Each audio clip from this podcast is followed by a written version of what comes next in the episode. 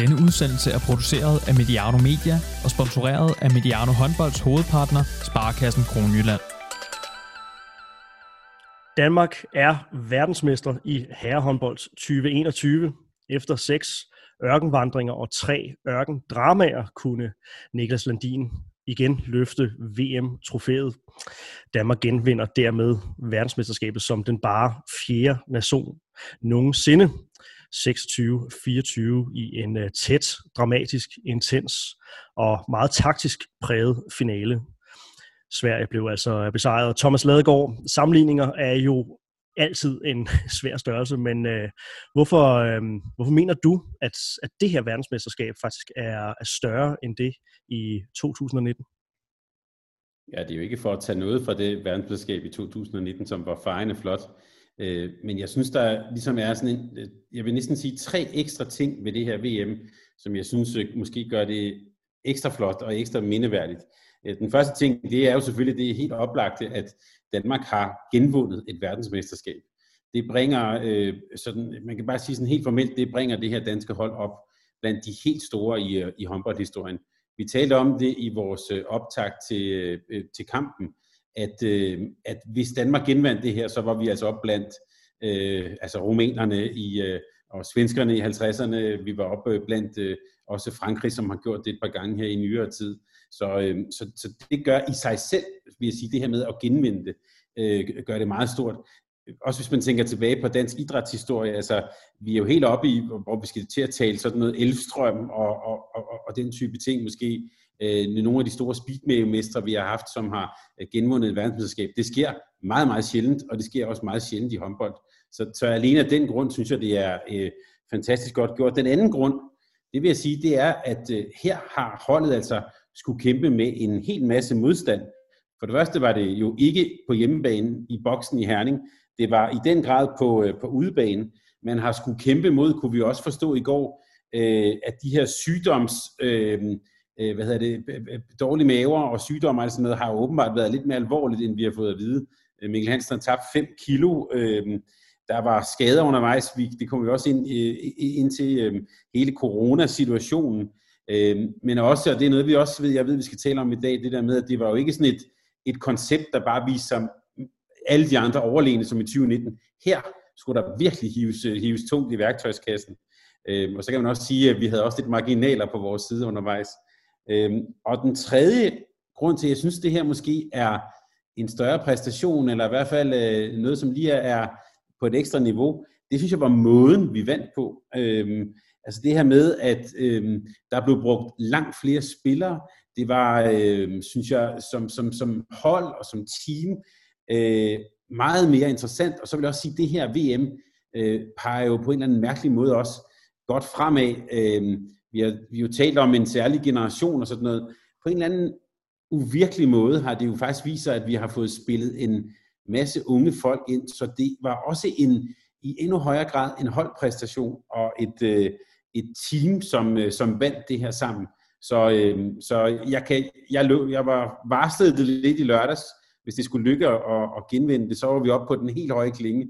Øh, vi skal passe på ikke at misbruge ordet historisk, men her det var historisk, og vi skal, øh, vi skal huske at nyde det, fordi det her, det er ikke normalt. Det var helt ekstra, ekstraordinært. Så for dig, der handler det lige så meget om, at, at det her verdensmesterskab, øh, dels at vi genvinder det, men det bliver også en del af hvad kan man sige, en, en samlet pakke, som øh, ja, nu har det jo straks sig over 13 år, det er 13 år øh, siden, at, at Danmark vandt den første guldmedalje i, øh, i januar 2008, Ulrik Wilbæks landsholdet, da Kasper Witt stadig øh, stod på mål. Øhm, det er det her med, at, at det nu er sådan et, okay, dynasti, siger du stadigvæk, øh, det sagde du i optakten til, øh, til finalen, at det, det mang, der mangler stadig lidt for, at vi kan, øh, at vi kan kalde det et decideret øh, dynasti, men, men øh, set over øh, en, øh, ja, i hvert fald en 10-årig øh, periode, så har Danmark jo øh, for alvor bidt sig fast i, i verdenstoppen. Det må, det må vi også bare sige. Der er også, øh, det er jo også en typisk H.C. Andersen-fortælling. Ikke? Efter det der dårlige EM, så kan man også sige, at det er også et hold, der, der, der virkelig har rejst sig og, og vist, at det havde vi nu også lidt på fornemmelsen, at det var sådan lidt en, hvad hedder sådan noget, en anomali, en, out, en outlier, det der skete over i Sverige. Det havde vi lidt på fornemmelsen, men de skal stadigvæk gøre det, øh, og, og det, fik de, øh, det fik de præsteret. Så, så kunne man også få et til, Johan, nu taler vi dynasti og sådan noget. Øh, en anden del af den her historie er selvfølgelig også, når vi ser tilbage på det her om 20 år, øh, så vil, uanset hvordan vi vender og drejer det, så vil vi også tale om det som Mikkel Hansen og Niklas Landinoerne. Øh, jeg hæftede mig ved, jeg kigger måske nogle gange lidt for meget på symboler, men i de her jubelscener der i, i sekunderne efter, at øh, kampen blev fløjtet af, øh, der fandt Mikkel Hansen og Niklas Landin altså hinanden i, et, øh, i sådan en, det er godt, vi kan en rigtig god coronakrammer. Øh, det synes jeg, der var, der var, for mig var der et eller andet symbolik over det. Altså, jeg ved ikke, om de er bedste vinder, det er jeg ikke sikker på, at de er, men det er i hvert fald to, som, øh, øh, som vinder sammen. Øh, det synes jeg var, øh, jeg ved ikke, om der var nogle fotografer, der fangede det, det var et, øh, et synes jeg, meget, meget øh, symbolladet øjeblik. Det var faktisk øh, lige sekunderne inden kampen blev, øh, blev, blev flot af, eller at hornet lød, og, og Nikolaj Jakobsen mener jeg faktisk også øh, i hvert fald forsøger at joine den, øh, den krammer. Og øh, det bliver faktisk også et af temaerne i, i udsendelsen her. Øh, lige præcis de tre enere, øh, de tre galionsfigurer oven på øh, et, et verdensmesterskab, hvor man må også sige, at nogle, øh, nogle spændende rollespillere og, øh, og debutanter også har, har shined. Og øh, i forbindelse med det, Sonny Larsen, så vil jeg gerne øh, starte med at, at spørge dig, oven på det her verdensmesterskab, har Danmark verdens bedste enere eller verdens bedste bredde? Ja, tak fordi jeg må være med, øh, Johan, her. Og øh, jeg synes, øh, den krammer der, hvis jeg lige skal starte øh, ved den. Jeg så øh, også godt nogle billeder på et tidspunkt, og øh, jeg mener også, det var på medaljeskammen, hvor at jeg håber, at, øh, at de sådan søgte hinanden for at lige aftale, hey, vi tager 10 år mere. Jeg håber det, men øh, det er nok ikke tilfældet desværre. Men øh, lad os nu tage et par mere.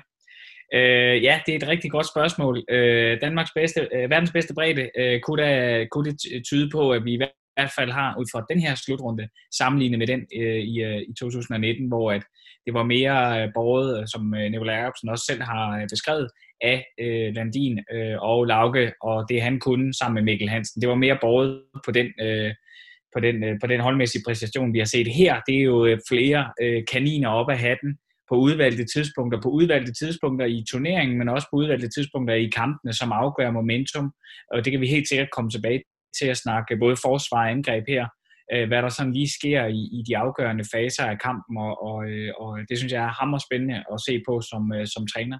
Og det minder jo om noget, vi så tilbage i, i tiden med Ulrik Vilbæk, han fandt kaninerne i hatten på det rigtige tidspunkt, og den reference vækker gåsud hos mig.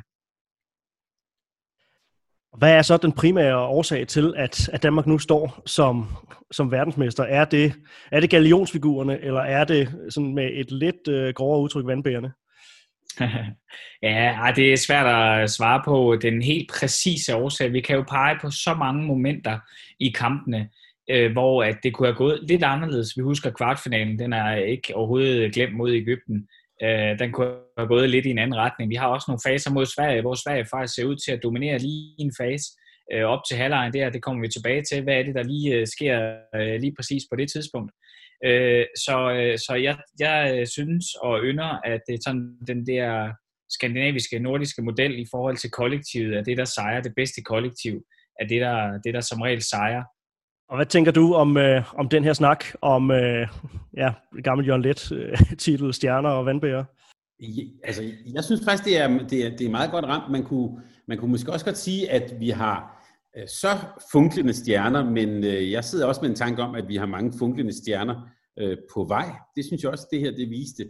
Øh, og så som vi skal tale om, så kan jeg jo også godt lide, at man øh, øh, altså sådan lidt ufrivilligt, så er der jo altså nogen, der pludselig viser sig som stjerner. Her tænker jeg på Nikolaj Øres i går. Vi, os der følger med, ved jo godt, at han godt kan spille håndbold.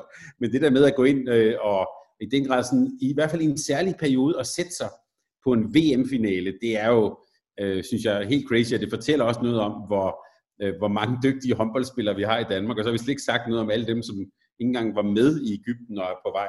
Øh, så så øh, øh, Lasse Møller, bare for at sige det, et, et navn.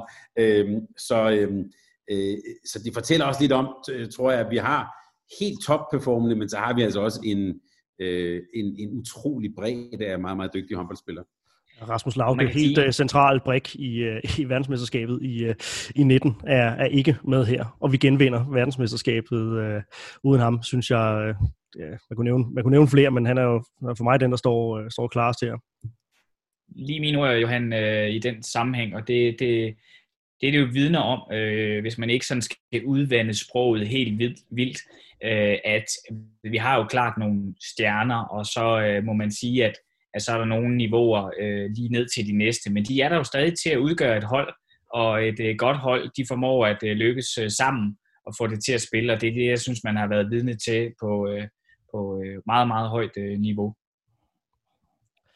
Absolut. Og hermed øh, officielt velkommen til øh, jer begge to. Sonny Larsen, AHF Mastercoach, talentchef i Sønderjyske og herre A-landstræner for Færøerne.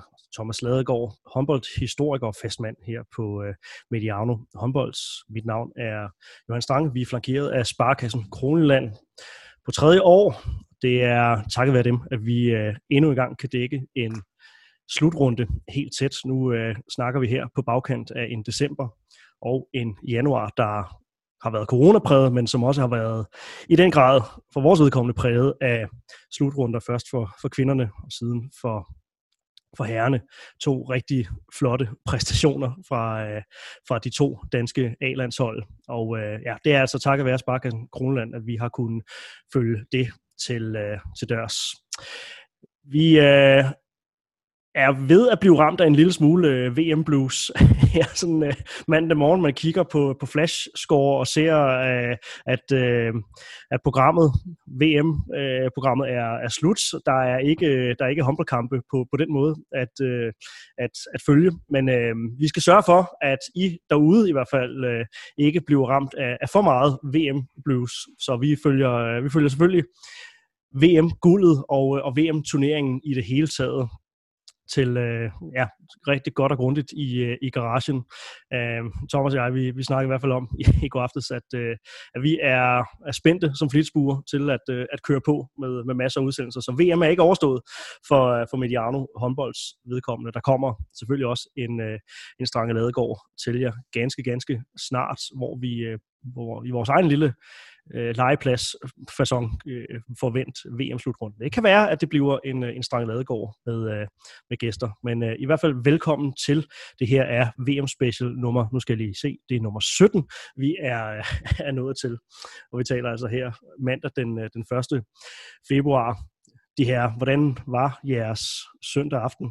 Den var, øh, den var svært underholdende. Vi, øh, vi, vi havde sådan et, et, et, et, øh, et fjernsyn kørende, fra, hvor der var billeder nede fra et hotel med nogen, der, der indtog mere og mere alkohol. Øh, et højdepunkt for mig var, da den danske bus ankom til hotellet og blev mødt af sådan noget, nogle, nogle dansere, hvor Mikkel Hansen typisk, øh, tydeligvis var med, var med på den. Det var et eller andet aftens øh, højdepunkt. Men jeg vil så sige, øh, øh selve kampen, synes jeg var... Øh, øh, var det sted ubehageligt at sidde og kigge på, fordi øh, altså, hvor øh, Ægypten, det var bare total spænding, og, og, og Spanien, det var sådan en nydelse, en rigtig god håndboldkamp.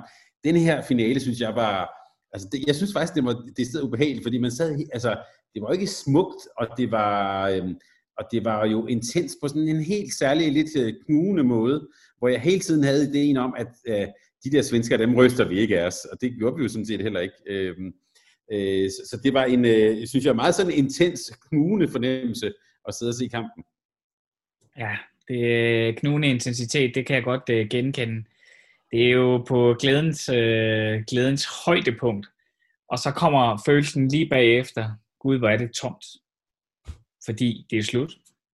Og, og det, er, det er faktisk sådan en, øh, det giver sådan lidt, øh, lidt, øh, lidt af de kedelige følelser også. Ikke? Det var historien, der sluttede. Det gode, øh, den gode fortælling. Bogen den blev klappet sammen og lukket, øh, og skrevet det sidste kapitel i den bog. Øh, og øh, ja, det er, øh, det er altid øh, sørgeligt. Så nu glæder vi os til, at øh, hvad hedder det, Liga-håndbolden går i gang igen. Ja, absolut. Så så har vi også en, en OL-slutrunde øh, til, øh, til sommer. Forhåbentlig vi kan, øh, vi kan tale om og, øh, og begynde at øh, lade op til. Jeg tænker også, at det er et, et perspektiv, som, som også bliver, bliver inddraget i vores, øh, vores nedtakter her på, øh, på Mediano håndbold. Um, øhm, hvis vi lige går i, i sådan en kort match review mode her, så, så altså 26-24 over Sverige øh, efter 13-13 ved, øh, ved pausen. Og Sonny, øh, jeg ved ikke, om det er måske for meget sagt at sige, at vi, øh, vi skulle være decideret heldige med at være på, øh, på uafgjort ved, øh, ved, ved, ved pausen.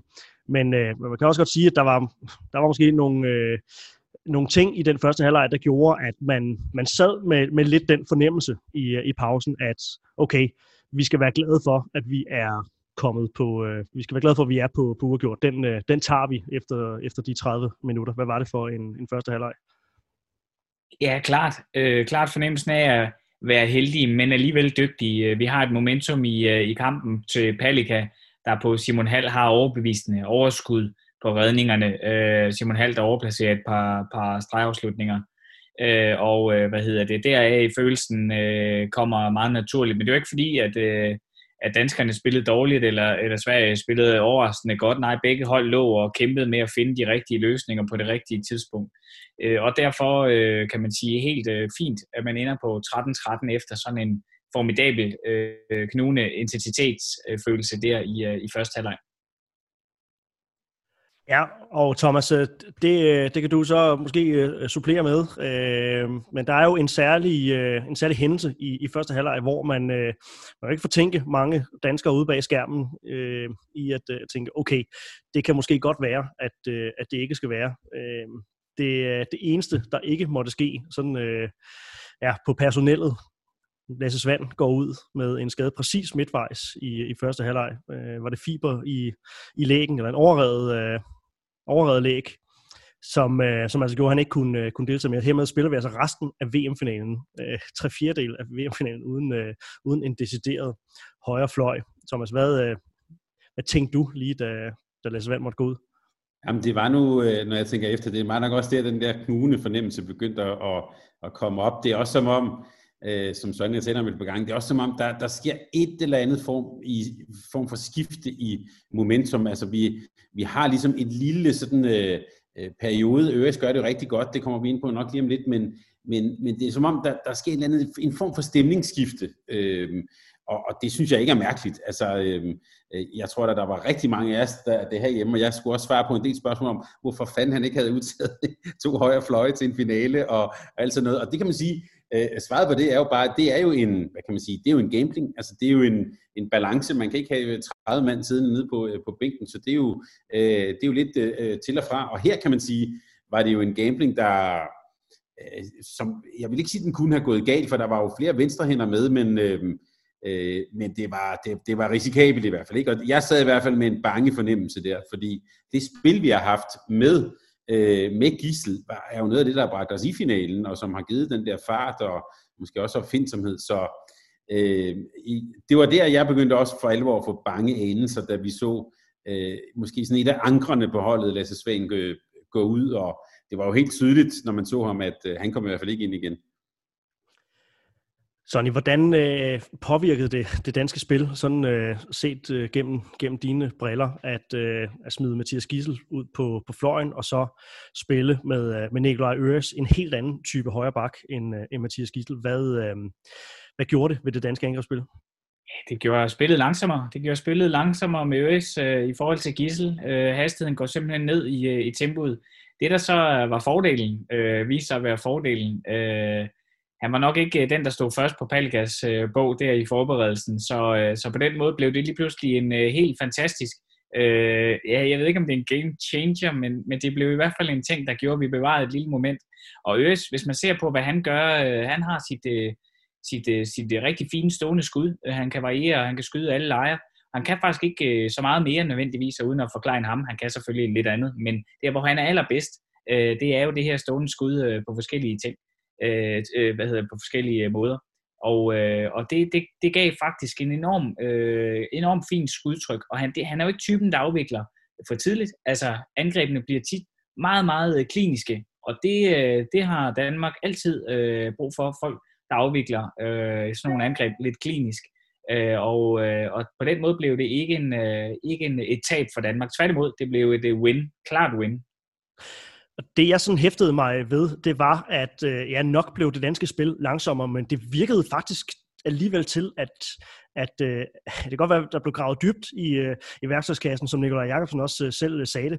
Jeg synes, øh, synes alligevel, det danske landshold virkede forberedt på, på, på situationen. Altså, han gled jo faktisk meget naturligt ind i, øh, i, i spillet, og så blev spillet så bare sat op på en, en anden måde. Hvad kan, man, øh, hvad kan man sige om det? Det tjener vel også øh, hans medspillere til, til stor ære, at, øh, at sådan lynhurtigt kunne mentalt omstille sig, men også spillemæssigt omstille sig til, okay, jamen så skal vi altså måske lige smide boldene anderledes, time boldene lidt, øh, lidt anderledes. Hvad tænker du om, øh, om det?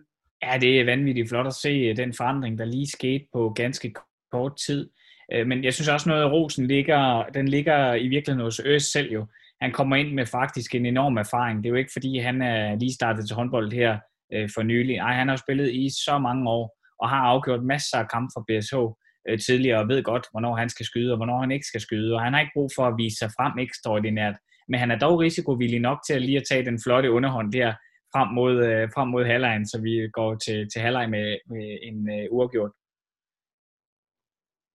Ja, for jeg tænker, jeg tænker undskyld, særligt øh, sådan parallellen til, øh, til årene med, med Mads Christiansen på, på, på højre bakken, hvor at det blev stabilt, men, men aldrig rigtig øh, farligt. Men så havde man ham som en, øh, en rigtig fornuftig forsvarstover også, øh, som, som et våben øh, der. Men, men Kasper Søndergaard var jo i alle de år øh, det, det store angrebsmæssige S, kunne så ikke dække op, men, men der hvor vi angrebsmæssigt har, har leveret de bedste slutrunder, det er jo, når, når Mikkel Hansen og, og Kasper Søndergaard der i tierne, ikke? Da de, når de leverede sammen på, øh, på de to baks. Jeg tænker bare, at Nikolaj Øres kommer ind med al sin rutine, som du også øh, siger, men rammer egentlig den der balance rigtig, rigtig godt. Jeg synes, det er en, det er en god pointe, det med, øh, med, med risikovilligheden, Sonny. Øh, men, men prøv lige at forklare sådan, måske også den, den mentale omstilling for, for, for Øres øh, alligevel, at det at skulle holde sig klar til, øh, til sådan en, en opgave.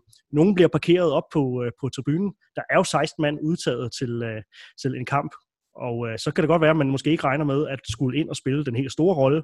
Men det der alligevel at gå ind fra kold, og så, og så levere på den allerøverste scene, hvad siger det om en, øh, om, om en spiller som, øh, som Øres? Det viser karakter det viser personkarakter, og, og, øh, og det er det helt simple svar på det spørgsmål.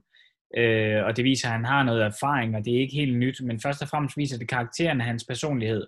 Øh, nemlig at, at øh, den øh, rolle, han nu engang fik øh, fra øh, slutrunden start, om at være jokeren eller kaninen i hatten, når der blev brug for det, den har det rigtig fint med at have affundet sig med, at det var hans position i det her. Så det virker afstemt sådan på organisationsmæssige plan, at det var, det var det, han kunne øh, trække op af hatten i den her, forvente i den her sammenhæng her. Øh, og og, øh, og det, øh, det tror jeg handler om, øh, uden jeg kender Øres, men en eller anden form for personlig tilgang til, til hans håndboldspil. Han tager alt med, hvad han kan øh, i, af oplevelser, og, øh, og, og det, øh, ja, det går han sgu på med et frisk mod. Optimistisk fyr. Og hermed det hænger Danmark altså på til, til pause, øh, kronet med øh, den meget, meget flotte underhånd, som, øh, som Nicolai Øre scorer til, øh, til, til 13-13, Thomas. Øh, et, øh, jeg vil ikke for meget sagt at sige, det er et finaleøjeblik, man husker. Jokeren Øres med, øh, med hammeren i, øh, i øh, slutfasen af første halvleg. Det er altså for den kamp, der tror jeg, vi vil huske den der hammer der, øhm, og så tror jeg, vi vil måske også huske øh, Landins redning med, med, med foden. Altså det er sådan, det er sådan nogle, øh, nogle, nogle sådan, synes jeg, helt særlige øjeblikke for den her, den her kamp. Jeg, jeg tror også, jeg kom til at råbe så højt, at jeg vækkede hele opgangen, da, da Øres øh, øh smækkede den der ind. Øhm, bare, bare lige en sidste pointe med Øres der, altså, øh, som Søren er inde på, han er jo ikke lige begyndt til håndbold, øh, og, øh, og os, der har set ham spille håndbold tidligere, øh, vil jo nok vide, at det der standskud inde i midten og sådan noget, det er noget, han er god til. Øh, og det taler jo virkelig til, til holdets ære, at man øh, på bagkant af en skade jo så formår at få i sat ham der, hvor han er god. Øhm, og så går han jo også ind og leverer, altså man laver nogle betingelser, der gør, at Øres han kan få succes. Øhm, det, øh, det, det taler virkelig også til, ind til det der narrativ, vi er, vi er i gang med også omkring et hold med store personligheder, men også et hold, hvor man gør hinanden gode. Det synes jeg, vi så med Øres i går. Ja, og, og så en, noten til det er jo, at øh, det snakkede vi om, inden vi gik på, forskellen på, på Øres indskiftningen og så Jakob Holm indskiftningen, det er jo så at sige, okay, Jakob Holm, det her det er en planlagt joker, som vi ved kan tilføre lige præcis det her, hvor øh, Thomas, det her, det er jo så det er jo så den tvungne joker.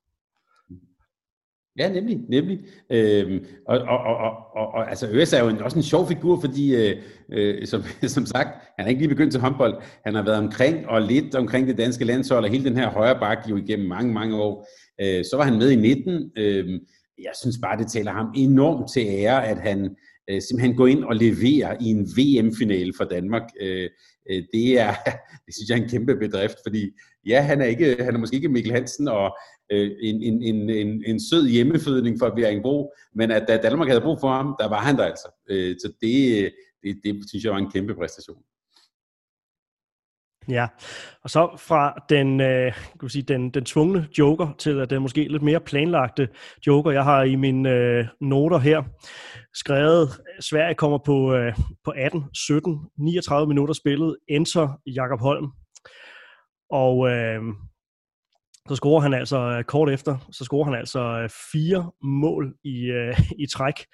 Jakob Holm. Sonny, hvad, øh, hvad er det, der sker med, øh, med det danske spil, og øh, måske i første omgang, hvorfor er det, at, øh, at Nikolaj Jakobsen byder ind med, med Jakob Holm i, i, i den her fase?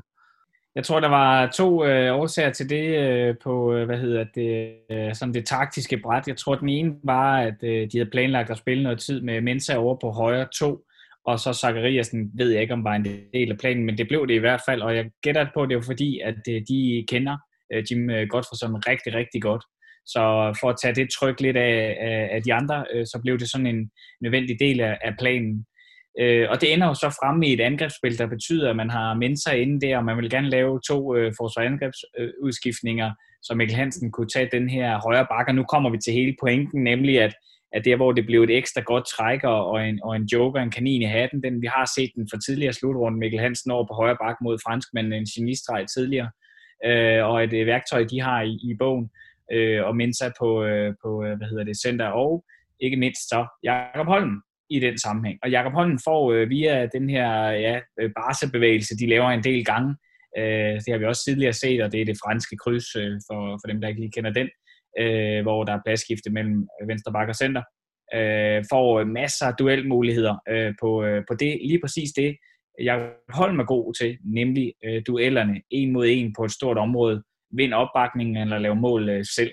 Og, øh, og det er fantastisk fint at se. Man så det også, at Sverige var øh, egentlig klar over det, øh, lige dengang han kommer ind i forhold til at vælge, at fløjen skal ind i banen ret tidligt. De var øh, bevidste om, Jakob Holm, hvad han kunne, at øh, det var duellen, han ville gå efter at lave mål på først. Så, øh, så det var det, der gjorde, at, at, øh, at det her stærke forsvar blev øh, udfordret der i, i anden halvleg, da vi havde brug for det. Det var fantastisk at se. Uh, før, før Spanienskampen havde øh, Søren og jeg, der kunne vi jo øh, slå os selv på ryggen over, at vi havde kaldt den der 7-6 med Morten Olsen. Jeg havde faktisk skrevet ned på min, øh, på min blog, da vi talte om finalen her, der havde jeg faktisk skrevet ordet uh, Barca højere ned. Og det var fordi, jeg troede, Øh, og, og det, jeg troede jo faktisk, at vi ville få vanskeligheder med øh, Gissel på højre bak mod et fladt øh, 6-0-forsvar. Og der var faktisk også en situation, hvor Gissel, øh, det er vel nærmest første gang i turneringen, prøver sig med et hopskud inde i øh, midtzonen, hvor Karlsborg går jo får lavet en fin øh, parade, en fin blokade på ham derinde. Øh, så det var, det var sådan øh, min forudsigelse, at vi så ville tyde lidt tilbage til, til nogle af dyderne fra 2019. Og den kom jo så der med Jakob Holm, altså det kan jeg sige, det var sådan en særlig variant, og det viser jo altså svært effektivt, øh, at han sådan kunne komme på, på ydersiden øh, Altså, det er ligesom, de, de, øh, Sonic, det er det ikke som om, det blev næsten sådan helt en tællefejl. Altså, de talte jo, stregen rykker den ene vej, og så kommer de til, næsten til at tælle forkert. Altså, vi får skabt et overtag over ved Holm, og det var han jo altså, fremragende til at komme øh, på ydersiden der. Øhm, øh, altså, det, det var virkelig sådan, synes jeg, en game changer. En, det er ligesom at smide en bombe ind i, i, i spillet på det tidspunkt. Ja, det var fantastisk at se, og, og den, øh, hvad hedder det, duelkompetence, han bringer ind, det er at gøre klart, at, at nogle af de måske, og det er der, jeg vil pege på, de lidt trættere svenske spillere, ser ud som om lidt mere trætte, øh, har de lidt tunge stænger på det tidspunkt. De har spillet så mange kampe nu, så, øh, så de er lidt trættere end Jakob Holm nødvendigvis er, og der øh, kan han komme ind fuldstændig frisk og have overskud i duellerne til at løbe omkring dem, og, øh, og det øh, viser sig meget effektivt. Samtidig, øh, Sonny, eller ikke samtidig, men, men lidt i kølvandet på det, cirka midtvejs i, øh, i anden halvleg, da tingene for alvor begynder at spidse til. Danmark begynder at få noget momentum øh, kvæg Jakob Holms øh, kan man sige, angrebsmæssige øh, øh, øh ja, aktioner. Så, øh, så tager øh, Nikolaj Jacobsen også initiativ til et, øh, et, et 5-1-forsvar. Så du noget i, øh, i den fase defensivt, der var med til at, at skubbe momentum sådan, afgørende over på, på dansk side? Ja, man kan jo sige, man kan jo sige ganske simpelt, så kom deres styrmand, svenskernes, Jim Gottfridsson, kom længere væk fra målet, og skulle dermed sætte sin baks i scene. Det gjorde jo, at, at, at de selv skulle afgøre det og bære den op i fart, den bold, og, og, øh, og det betød jo, at vi var heldige og dygtige til at få nogle øh, situationer fra Jonathan øh, Karlsborg til at få afsluttet lidt forkert, eller lidt for tidligt, vil man sige. Sådan en, det var ikke øh, en finale øh, situation værdig, kan man sige. Det var, det var nok det forkerte tidspunkt, og dermed fik man en lille momentum i, i kampen, også på den front.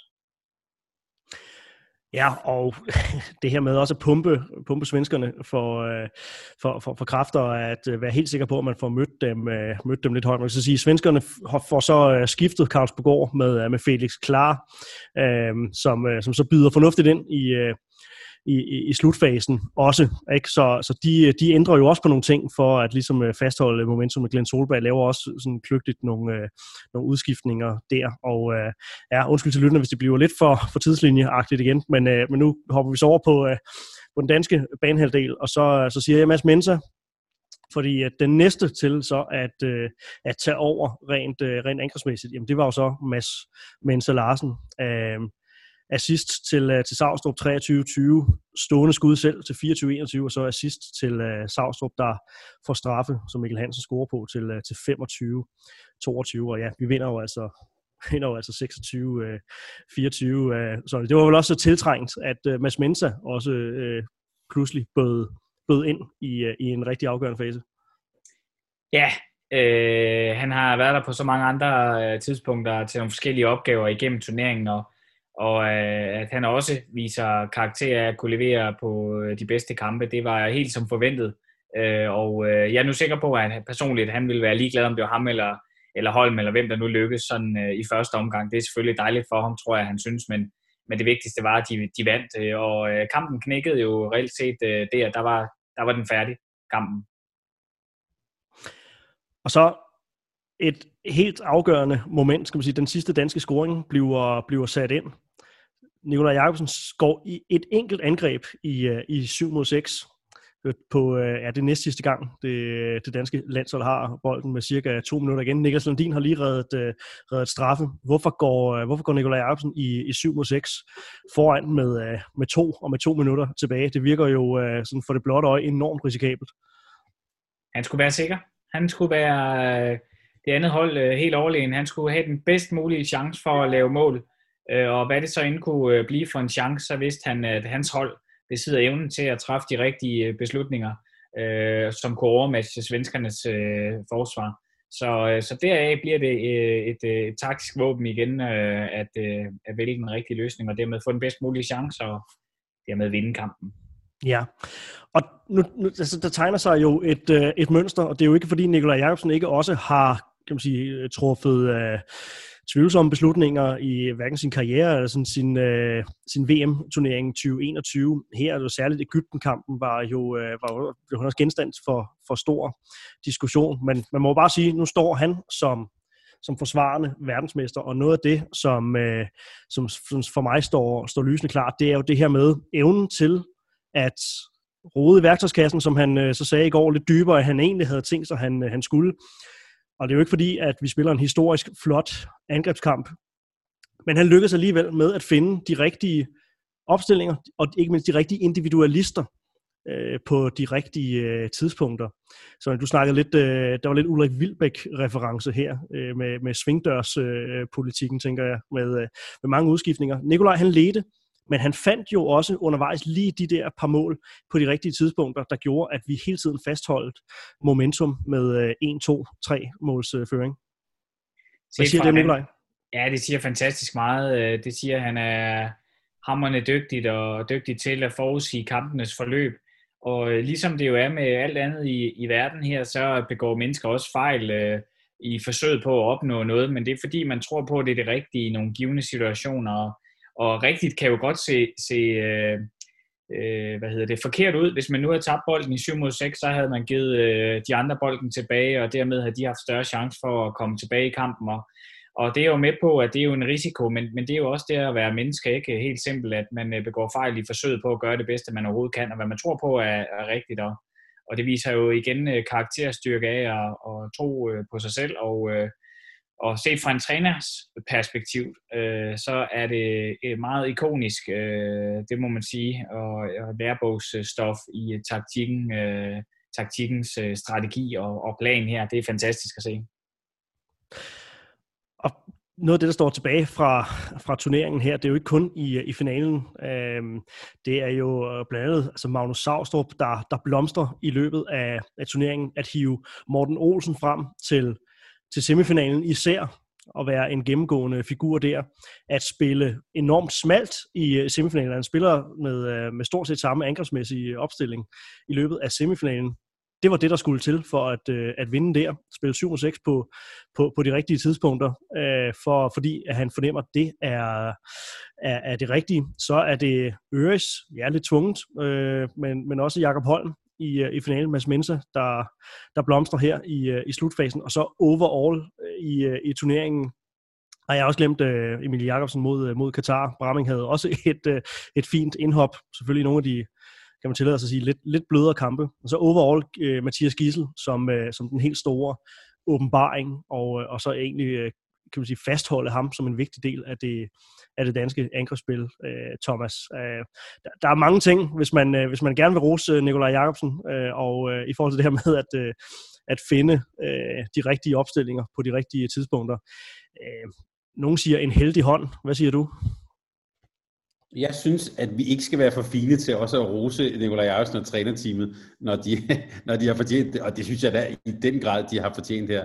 Øh, jeg, altså trænermæssigt synes jeg, at det her var en kæmpe præstation, øh, fordi det var meget svære betingelser, øh, fordi det stillede store krav til, altså under svære betingelser, og skadet spillere, og dårlige maver, og Nikolaj Jørgensen jo selv øh, jo åbenbart ikke har indtaget noget føde i fire dage. Så, altså, vi, vi, vi taler altså om personer, der både øh, mentalt på det faglige og fysisk er jo presset helt ude på kanten, øh, og så kunne levere så godt og med så stor øh, opfindsomhed og sikkerhed, det, øh, det taler dem virkelig til ære. Og jeg synes også, der i alt det, du, du siger her, der sad jeg og tænkte på, at de fortæller også øh, den der historie, vi har været lidt inde på, det her med, at det er jo øh, en, en træner og et trænerteam, der er meget pragmatiske. Altså, de gør det, der skal til for, at vi vinder.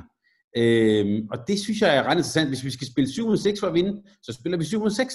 Hvis vi skal spille smalt, så spiller vi smalt. Hvis vi skal spille på den måde, så spiller vi på den måde. De gør det, der skal til for at vinde. Øh, og jeg sidder lige og kigger på, på, på en liste her. Nu har Nicolai Erbens altså vundet to verdensmesterskaber.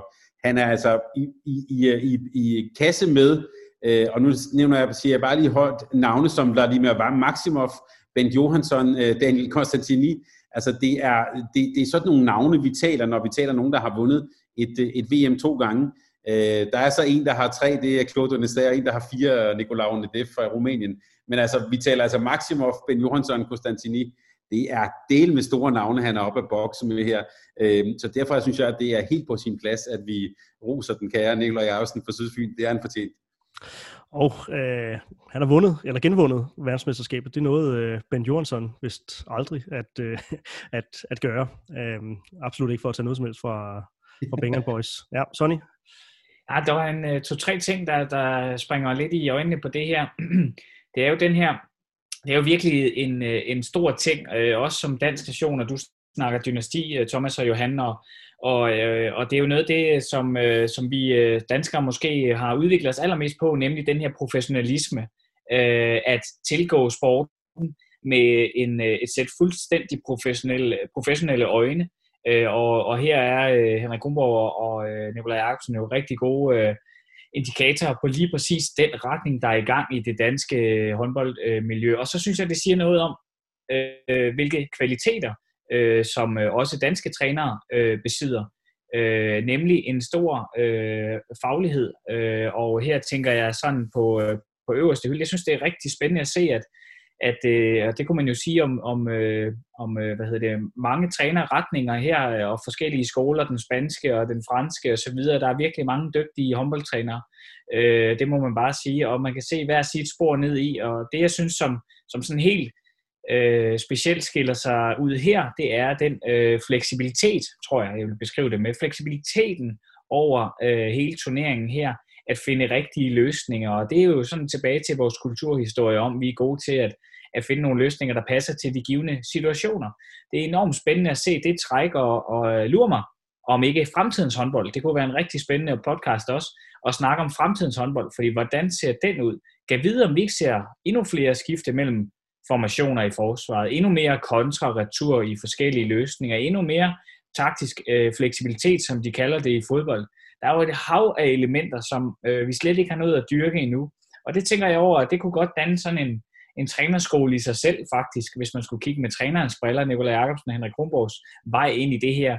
Sådan den der taktiske fleksibilitet, de har udvist igennem en turnering, taktisk og strategisk, tænker jeg på. Og så synes jeg endelig den sidste ting, jeg lige har med omkring øh, lige præcis øh, deres præstation, øh, trænernes, nemlig at øh, hvor Gud sidder vi jo tit og kigger, og er alle sammen sofa-trænere.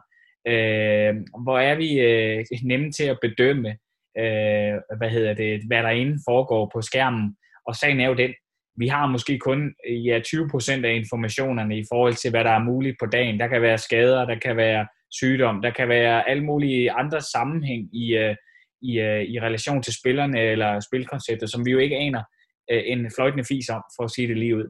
Og det tænker jeg nogle gange over, at den her viden, øh, skal man bare lige have lidt respekt for, at, øh, at de, øh, de faktisk sidder med langt mere information, end, end, end vi nødvendigvis gør, og dermed kan vi ikke vurdere, øh, bedømme, øh, hvor stort det egentlig, øh, hvor stort det egentlig er, eller hvor dårligt det er, hvis det var gået dårligt. Øh, så det, øh, det synes jeg er sådan den tredje pind, jeg lige havde der. Jeg blev mærke i en, øh, i en kommentar på en, øh, en platform, jeg skal nok lade med at sige, øh, sige hvor og sige navn osv., men at det var synd for Nikolaj Læsø, at han skulle sidde over i, igen. Og sådan kan man jo anskue øh, en, en finale på, øh, på så mange måder. Thomas, du øh, markerede Jamen, det var da også synd. men, øh, nej, men jeg kunne faktisk godt tænke mig lige om lidt, øh, lige en kommentar først, men, med, eller lige et spørgsmål først til, som du lige kan tænke over her, Sonny. Øhm, men øh, der var også en ting, jeg hæftede mig ved ved kampen. Det var sådan, øh, nu, nu tænkte du taktisk fleksibilitet og sådan noget. Der var også noget med tempoet i den her kamp, som jeg synes var interessant, eller rettere sagt temposkiftende. Det kunne jeg godt tænke mig lige at høre din kommentar til om et øjeblik, men bare lige til sidst her med, øh, med, med, med det danske trænerteam og det her med at vinde. I, øh, i 2008, efter EM-finalen op i Norge, øh, der havnede jeg øh, mere eller mindre ufrivilligt på forsiden af, af Jyllandsposten med en udtalelse om, at det var meget udansk, det der var foregået op i Norge, altså det her med, at Vildbæk sagde, at vi skulle vinde guld, og så gik de op og vinde guld og sådan noget. Øh, i, I relation til det, vi har set her, så synes jeg faktisk, at det øh, var en lidt forkert udtalelse, fordi det, vi har set her, er måske det endegyldige sådan opgør med den der danske øh, fornemmelse af, at I, vi spiller pænt, og vi er mere kreative, og vi er sådan lidt, altså, det, det er vi overhovedet ikke. Vi er benhårde professionelle håndboldspillere, der eksekverer, og har trænere, der også eksekverer, og vi vinder guld.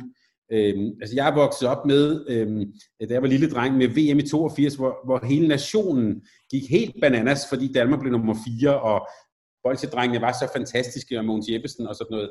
Øhm, det, det, det, det kunne begejstre hele nationen, OL i 84 og sådan noget. Her taler vi altså om nogen, der har vundet VM back to back, lige efter hinanden. Det er lysår fra det, som øh, begejstrede nationen i 82.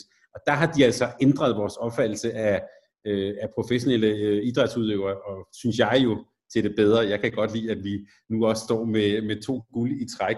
Men Tony, kan du sige lidt om tempoet i kampen i går? Øhm, ja, altså, der var dels måske lidt trætte, men de var, jeg synes, der var meget øh, markante temposkift i kampen. Ja, og jeg synes øh, først lige øh, supplerende til dig, fordi jeg er fuldstændig enig med dig i, øh, i den der måde at tilgå sporten yderst professionelt. Og jeg tænker nogle gange, at at hvorfor kan man ikke forvente det øh, som dansker, at man selvfølgelig leverer et stykke arbejde, som det jo er for mange af de her folk her på øverste hylde. Øh, der er der også et arbejde. Øh, og, øh, og hvorfor kan vi ikke gøre det på højt niveau og igen og igen, og måske endda forbedre os? Så der ligger også klart en øh, kæmpe god podcast lige der, tænker jeg, at, øh, at snakke noget om de potentialer, der også ligger i fremtiden. Hvad har vi på vej? Og, og en helt anden snak sådan for klubmiljøerne. Men, men for lige at besvare spørgsmålet, så, så er det interessant at se øh, lige præcis de temposkift, du beskriver. Det var lidt sådan, når det ene hold lige fandt noget, der virkede et par gange, whoop, whoop, så kørte det lige sådan lidt stærkt, så kom næste modtræk, og så fik de justeret lidt på det, og så var det det andet hold, der kom lidt i, i tæten. Øh, og så gik det stærkt i tempoet i kampen på de næste aktioner. Så man fandt hver sin lille, øh, hvad hedder det, øh, opskrift, man lige kørte efter et par gange, og så skiftede man opskriften ud og prøvede på noget nyt. Det synes jeg var, var spændende at se, hvordan de bagte nogle forskellige brød undervejs. Det var fedt. Fordi der var også øhm, øh, noget, jeg hæftede mig ved, det var, at, øh, at svenskerne efter kampen, de sådan, øh, ikke beklagede sig, men de sådan, øh, sagde, at Danmark var gode til at tage tempoet ud af kampen. Øh, og vi spillede jo også nogle gange på et tidspunkt nogle angreb, der virkelig var ja, øh, kynisk langsomme. Ikke? Øh, men ja, så, så, så hæftede jeg mig også til ved, at øh, Mikkel Hansen sagde også, at svenskerne havde taget tempoet ud af kampen. Øh, så, så det var måske også nogle hold, tror jeg, der dels måske kæmpede med ressourcer og med kræfter, øh, men også kæmpede lidt med at, og, øh, måske at kunne, at kunne diktere tempoet i kampen, lad os så bare sige det. Øh, og man kan i hvert fald sige, for danskerne lykkedes det jo at holde Hampus Vande nede på, jeg tror på fem mål. Øh, altså de der sådan, øh, øh den der svenske kontramaskine blev jo trods alt ikke, øh, den blev så, ikke så dødelig, som den kunne have været blevet. Ja, og det har du fuldstændig ret i, øh, det har du fuldstændig ret i, Thomas, der, at, øh, at der var noget omkring øh, den nøgle med Hampus men her tænker jeg, tror jeg også, spillerne mener lidt af det der tempo, som, øh, som tophold, øh, de styrer. Tophold har det med at, øh, at øh, styre tempoet på afgørende tidspunkter, for eksempel det sidste, næste sidste angreb, eller hvornår det var, 7 mod 16, ud, og der er arm på, og så videre, og først til aller, aller sidst kommer afgørelsen. Det er at kigge efter den rigtige løsning, og det er en professionel øh, tilgang, og det ser man typisk, synes jeg, når vi kigger lidt ned i sådan øh, ja, momentumanalyser, så, så vil man se, at topholdet bevarer lige roen lidt længere øh, tid.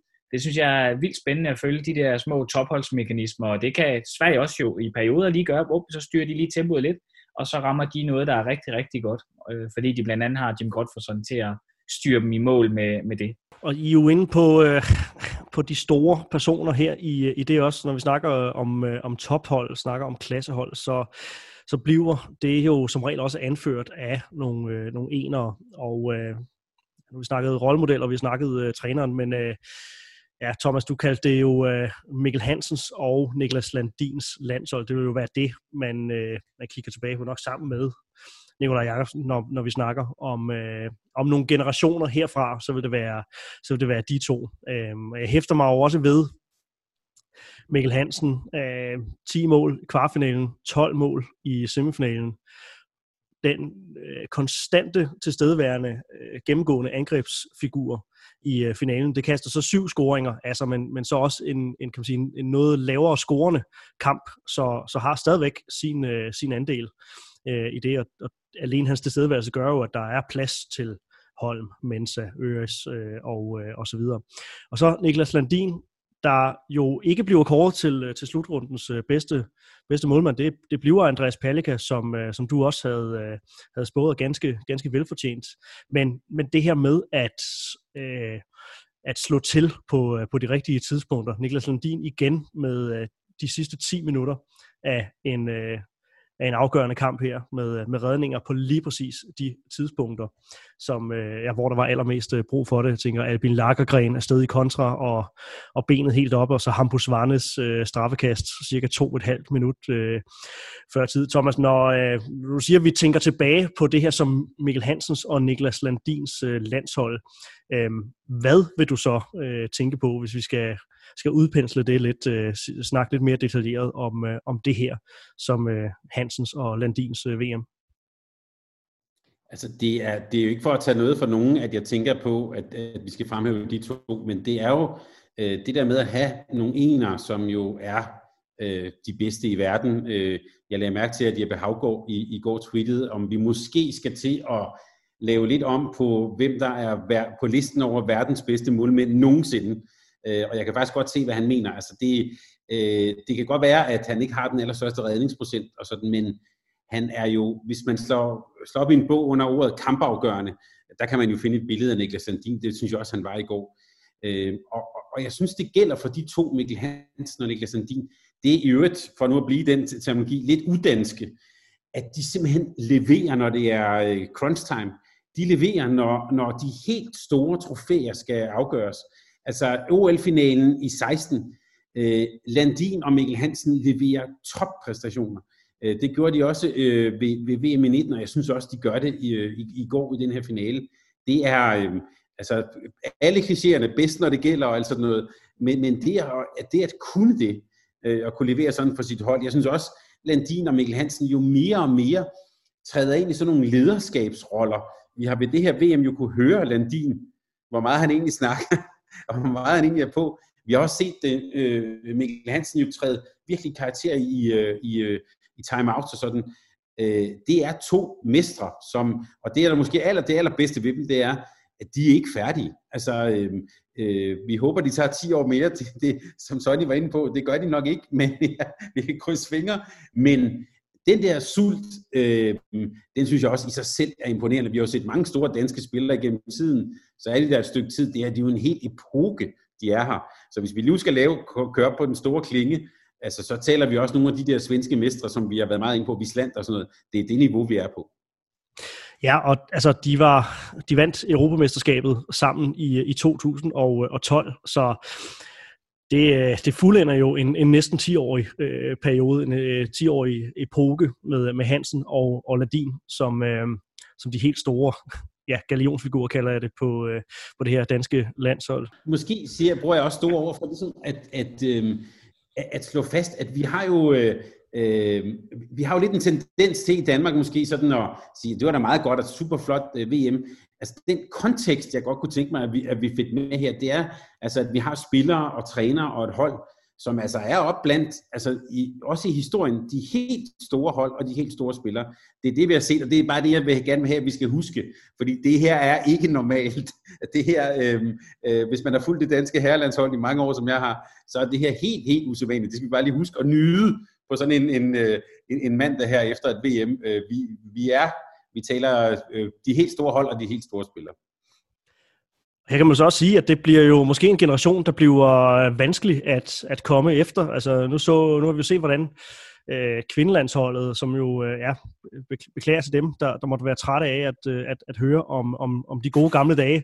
Men, øh, men der har jo været nogle årgange siden, som har haft svært ved at løfte arven fra, fra de 10 år, hvor, øh, hvor, hvor det danske kvindelandshold var, var rigtig gode og, og altså vandt mange medaljer fra, fra 93 og, og frem til, til 2004. Nu kan man snakke om, at der er jo så også en generation, der, der er rigtig godt på vej der og, og, og ved at være, være tæt på. Men, men, men Thomas, kan det her risikere, at øh, ja, også lidt med, med tanke på, øh, på nationen og sociale medier osv. Vi så øh, de kommentarer, som, som de her Nikolaj Jacobsen og, og Mikkel Hansen fik, øh, særligt oven på, øh, på, på Ægypten-kampen, at vi kan blive så, så forventet med, øh, med succes, at det på en eller anden måde giver bagslag, altså at en fjerdeplads på et eller andet tidspunkt lige pludselig bliver ja, røv og nøgler, for at sige det lige ud. Altså, jeg tror nok, at vi på et eller andet tidspunkt kommer til at bokse med lidt et spøgelse fra, øh, fra Mikkel Hansen Landin-perioden. Det, det kunne jeg godt forestille mig, ligesom de jo i Sverige har bokset med Bengan Boys i 20 år efterhånden, øh, og jo egentlig heller ikke rigtig fik lukket det der spøgelse ned i går, selvom de var tæt på. Øh, det kunne man da sagtens forestille sig. Jeg vil så sige på den anden side, øh, måske noget af det mest glædelige ved det her VM, det er, at vi jo faktisk har fået, er på vej til at gøre det, som det ikke lykkedes for Bengt Johansson at gøre, nemlig at lave et, næsten helt sådan helt øh, elegant glidende generationsskifte. Vi ser en del nye spillere, som jo øh, nærmest kommer flyvende ind på det her hold. De skal nok også få deres nedture undervejs. Øhm, og når jeg så tænker på alle de, som står i kulissen, øh, så er det faktisk svært at, og så er det faktisk svært at blive ved med at være øh, pessimistisk, havde han sagt. Øhm, så øh, lad os håbe, at øh, øh, Hansen Landin bliver ved så længe, at øh, vi efterhånden ser sådan en, øh, det kunne være en, øh, det kunne være en Lasse Møller, Lasse Andersen, hvad det nu kan være, øh, Emil Nielsen, at, øh, at de stille og roligt får lov at, at, at spille sig ind på deres plads. Men det bliver en, en kæmpe tung arv at løfte, og de skal også løfte den på en anden måde, øh, måske med et andet spil, øh, en anden måde at gøre det på. Øh, det kommer vi, når vi laver podcast på Mediano håndbold om, om otte år, så kommer vi sikkert, så bliver det her et emne, det kan jeg næsten allerede sige nu.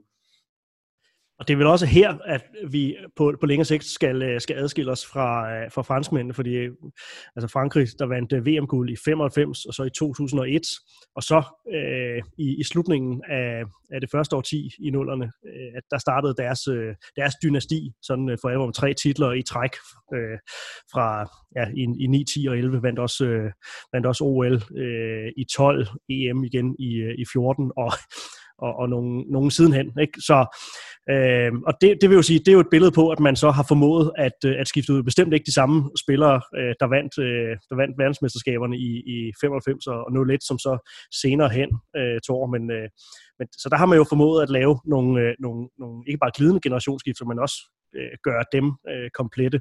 Så det er vel også, øh, uden at vi jo på nogen måde skal tale et dobbelt øh, verdensmesterskab øh, ned og olympisk mester og, og alt det her, men øh, vi bare sådan snakker helt øh, med en helt brede, store øh, pensel, øh, at det så er, er her, at dansk håndbold, dansk herrehåndbold for alvor skal tage det der øh, ekstra, ekstra skridt. Ja, jeg synes, det er, det er sindssygt spændende det her med, øh, hvordan man øh, eventuelt bygger et dynasti op. Øh, og der er vi slet ikke, øh, siger du Thomas, øh, og fair nok. Øh, men jeg tænker lidt på det som sådan en, øh, en øh, håndboldlave blevet en forretning. Håndboldlave i høj grad blevet en forretning. Her tænker jeg ikke på, øh, på spillerne alene som aktive, men hele håndbold Danmark og, og, øh, og hvad hedder det der, og øh, hvad hedder det, gå til håndbold, lave en forretning. Og, og jeg tænker, den der forretning, øh, og her tænker jeg specielt på Dansk Håndboldforbund, hvordan kunne de sørge for, at øh, vi alle sammen løfter øh, herrehåndbolden videre. Jeg tænker, at den her forretning, man kan sammenligne det med en, øh, en butik, der starter i det lokale, udvikler sig og gror til at være en, øh, en øh, national og så siden en international virksomhed. Jeg tænker over den der måde at drive en forretning på eller udvikle. Det er jo sådan en pangdang. Kunne man lave sådan en helt verdensherredømme på herrehåndbolden? Øh, og hvorfor ikke? Og jeg tænker, at øh, her Morten Henriksen øh, er den helt oplagte kandidat til at spørge, svare på nogle af de spørgsmål om, hvordan de sådan bygger det der, det der øh, struktur og system op, således at man, man, øh, man øh, egentlig kan komme derhen, øh, hvor man egentlig sidder på det hele. Øh, det synes jeg er en spændende tanke, og der er jo tusindvis øh, vis af gode håndboldspillere, øh, og, øh, og øh, hvad hedder det i Danmark, og det, det synes jeg er en væsentlig platform, og kunne man bare gøre den øh, lidt bedre øh, på nogle udvalgte områder, så flytter man, flytter man sig. Øh, kan det være, at man øh, får flyttet noget øh, sammenlignet med, med alle Frankrigs udviklingsmidler? Det, der er vi meget små i pengene øh, sammenlignet med det, øh, og, og, og, og øh, jeg synes bare, at vi har så mange muligheder øh, alligevel øh, i Danmark.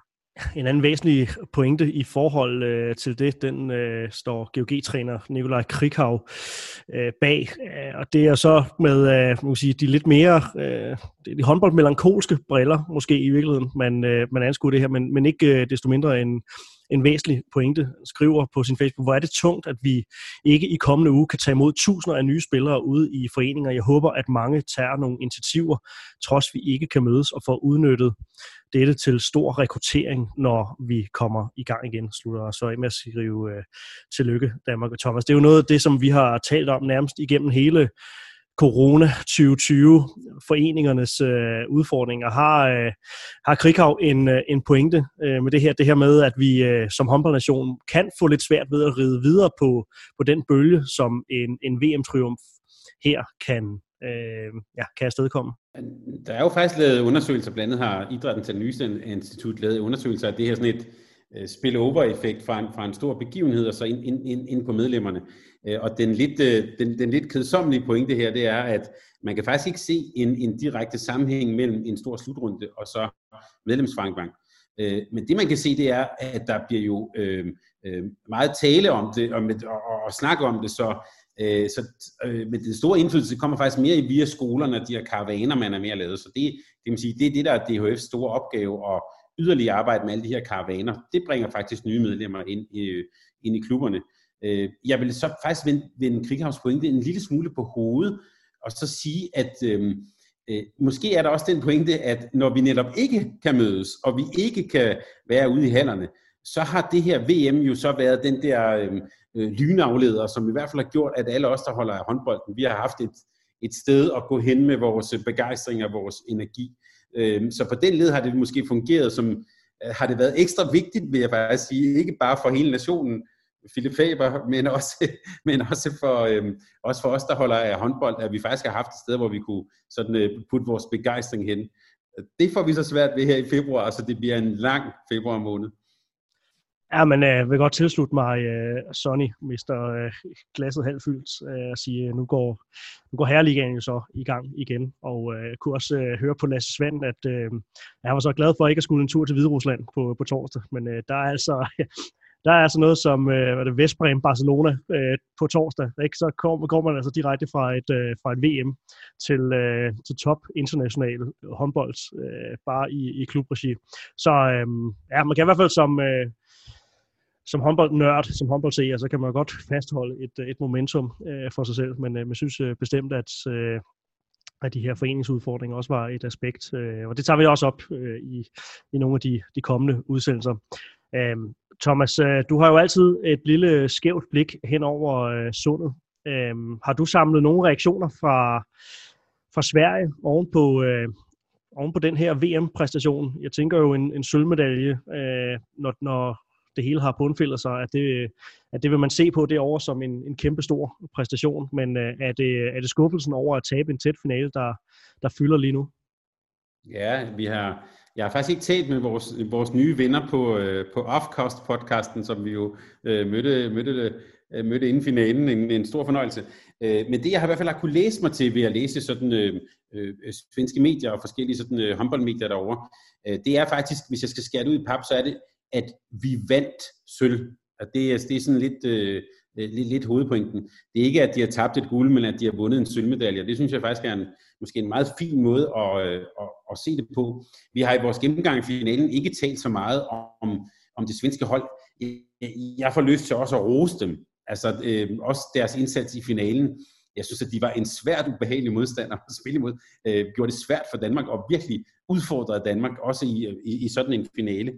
Øh, jeg tror måske også, at det, man taler om i Sverige, er selvfølgelig også, øh, ud over glæden, og øh, de ser også meget positivt på fremtiden af helt naturlige grunde, øh, så taler man selvfølgelig også om, at måske den manglende erfaring med at stå i store finaler, store slutspil, også spillet lidt ind. Vi har talt om øh, Jonathan Karlsbogård. Øh, han scorer et mål mod Danmark, øh, og har også et par beslutninger. Der er for eksempel en overtalssituation, hvor han jo nærmest sådan kyler bolden ud af lokalet, Øh, det, den spiller nok også ind. Det er også Daniel Pettersson, der, øh, der har, en af, har et par afbrænder, tror jeg, på, øh, på Landin. Hampus Vande, han brænder jo faktisk det her straffekast øh, på Landin. Øh, så der er måske lidt, øh, lidt den her erfaring i det der med at stå under et så stort pres, øh, og måske også være presset lidt på, øh, fysisk ressourcemæssigt i en, øh, i en stor finale, øh, er, er noget af det, man taler om. Men når alt det så er sagt, så tror jeg, at tilbage står en, kæmpe svensk stolthed over, at det, ja, han har sagt, endnu en gang er lykkedes mod alle odds at skabe, øh, stab, stampe et hold sammen, som faktisk har, har, øh, har, har vist sig at kunne komme frem til et slutspil. Og så den sidste pointe, for, for lige at følge op på det med Sonny og det her med talenterne og sådan noget. Øh, I Sverige har de jo haft en, vil jeg næsten sige, endnu mere indæt debat om talentudvikling, og hvad er det for nogle typer spillere, vi får frem, og hvor skal svensk håndbold være i, i, i fremtiden. Øh, og der er godt nok blevet udvekslet meget hårde ord om, øh, om talentudviklingen og hvordan øh, det, går i Sverige. Øh, der er nogen, der nu også siger, øh, hvad er det egentlig, I snakker om? Fordi øh, det her, det er altså spillere som øh, øh, som ikke engang har været på et Y- og et U-landshold, som, som går ind og, og, og klarer sig godt til en VM-slutrunde. Øh, så jeg tror også, der i, i Sverige er også, tror jeg, sådan en lidt skjult stolthed over, at de altså også har en, håndboldskole og en håndboldmodel, der er uovertruffen. Øh, så stor stolthed i Sverige, øh, og stor også sådan øh, glæde, glæde over det der, øh, det, der kommer i fremtiden for det her hold. Sidste pointe herfra øh, er sådan lidt en, øh, sige, en, en antitese til noget, vi øh, ofte taler om, og jeg har selv måske været slem til at gå i, i offensiven i forhold til øh, den, øh, den sædvanlige karusel omkring folk, der skal ytre sig om håndbold, uden, øh, uden egentlig at, øh, at se det dem, der ikke helt kan tåle den store popularitet, som, øh, som blomstrer op, den nationale begejstring, som, øh, som blomstrer op i øh, december og øh, januar, så vil jeg bare lige tilføje, at øh, TV3 Sports Per Frimand, fodboldekspert, øh, i går skrev på Twitter, kæmpe tillykke til Nikolaj Jakobsen og håndboldgenierne. Det tegner til at blive et super år for dansk idræt. Så jeg vil bare vende bøtten om og sige, at det er, det er dejligt, at der findes ikke bare øh, fodboldfolk, men, men også i det hele taget ikke håndboldfagfolk, øh, ikke håndboldjournalister, som, øh, som slår på trummen for, øh, for den store danske øh, håndboldpræstation. Det er klædeligt, og øh, lad det endelig sprede sig som, øh, som ringe i vandet. Jeg synes faktisk, at, øh, at den, den karusel har kørt noget langsommere den her januar. Det har faktisk været, øh, har faktisk været befriende. Thomas? vi havde simpelthen også på Twitter i går Sune Rose Wagner med fra Venice Beach i Kalifornien med en, øh, med en hilsen til, øh, til, til de danske håndboldherrer. Han er også fra Sønderborg, så, men øh, fandme fedt, synes jeg. Der, øh, det, det var, øh, der havde jeg bare lige lyst til at lige lave et shout-out til ham. Øh, sidde over på Venice Beach og følge med i, hvordan det går de danske håndboldlærer. Det er god stil. Så den er noteret, Sune. Så også et tillykke til øh, forsangeren fra ja, først Sight Up Janis og, øh, og siden øh, The Ravionettes. Har en veninde, som er, er meget forelsket i, øh, i, i Sune Wagner. Jeg ved ikke, om det er gået over med, øh, med årene, eller om Mikkel Hansen eventuelt har, har overtaget i løbet af i hvert fald den seneste måneds tid her. Godt, lad det være øh, det er en fremragende sløjfe, synes jeg, at, øh, at binde på, øh, på VM-udsendelse nummer, nummer 17. Vi er som sagt ikke færdige. Danmark er verdensmester, og øh, det fortjener altså at blive fuldt ordentligt til, øh, til dørs. Så, øh, så på Mediano håndbold, der, der fortsætter vi med at levere udsendelser, ligesom vi også, Thomas, stille og roligt skal lave en, en glidende overgang til, øh, vi skal lidt, lidt ud af boblen og, og ud i den, øh, den virkelige håndboldverden. Der er også lab-udsendelser, B- og U-udsendelser, kvindehåndboldsudsendelser og øh, diverse specials og portrætter, som, øh, som vi også glæder os til at øh, lave. Men vi lader lige den her uge 5 stå i, øh, i VM's tegn øh, lidt øh, endnu. Øh, og så øh, til jer, der, der savner noget, noget andet i jeres feed, det skal nok komme. Sonny Larsen og øh, Thomas Ladegaard, tak for jeres øh, tid, og øh, tillykke med det danske VM-guld herfra. Selv tak og tillykke.